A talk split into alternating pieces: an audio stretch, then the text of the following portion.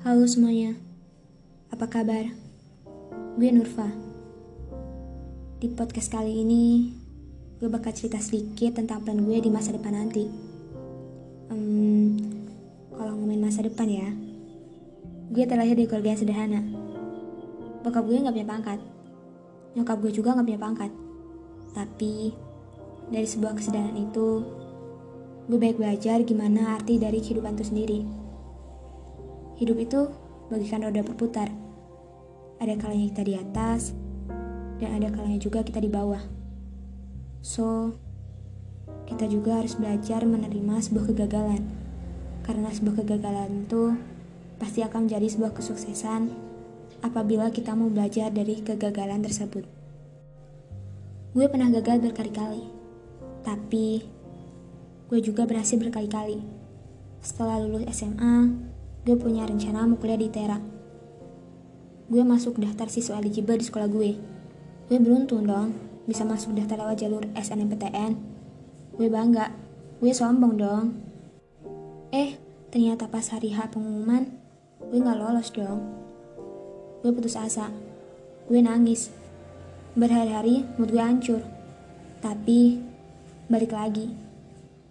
Gue kan udah ada rencana. Tekad gue udah kuat.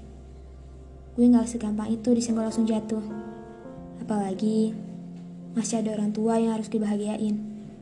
Akhirnya gue bangkit, gue belajar buat daftar jalur SBMPTN, dan alhamdulillah, seperti kata pepatah, usaha tidak akan mengkhianati hasil. Pada hari itu, gue diterima di Institut Teknologi Sumatera, jurusan teknologi pangan. Setelah itu, tekad gue makin kuat dong. Gue coba daftar bidik misi dan akhirnya gue lolos. Rencana gue ke depannya di tahun 2022, gue ingin lebih mengenal jauh jurusan teknologi pangan dan orang-orang di dalamnya, seperti teman, kakak tingkat, dan lainnya. Dan rencana gue bakal ikut organisasi buat mengasah skill dan keberanian gue. Tiga tahun ke depan, gue harus berjuang mendapatkan IPK bagus agar bidik misi gak dicabut. Gue juga harus punya skill dan keberanian. So, yang paling ditunggu-tunggu akhir dari perkuliahan yaitu skripsi. Gue harus membuat skripsi yang baik dan bagus. Empat tahun ke depan, rencana gue ingin kerja jadi CEO atau manajer di sebuah perusahaan besar. Yakin haji orang tua, bahagiain orang tua. And the most weirdest thing is getting married dengan seseorang yang gue cintai.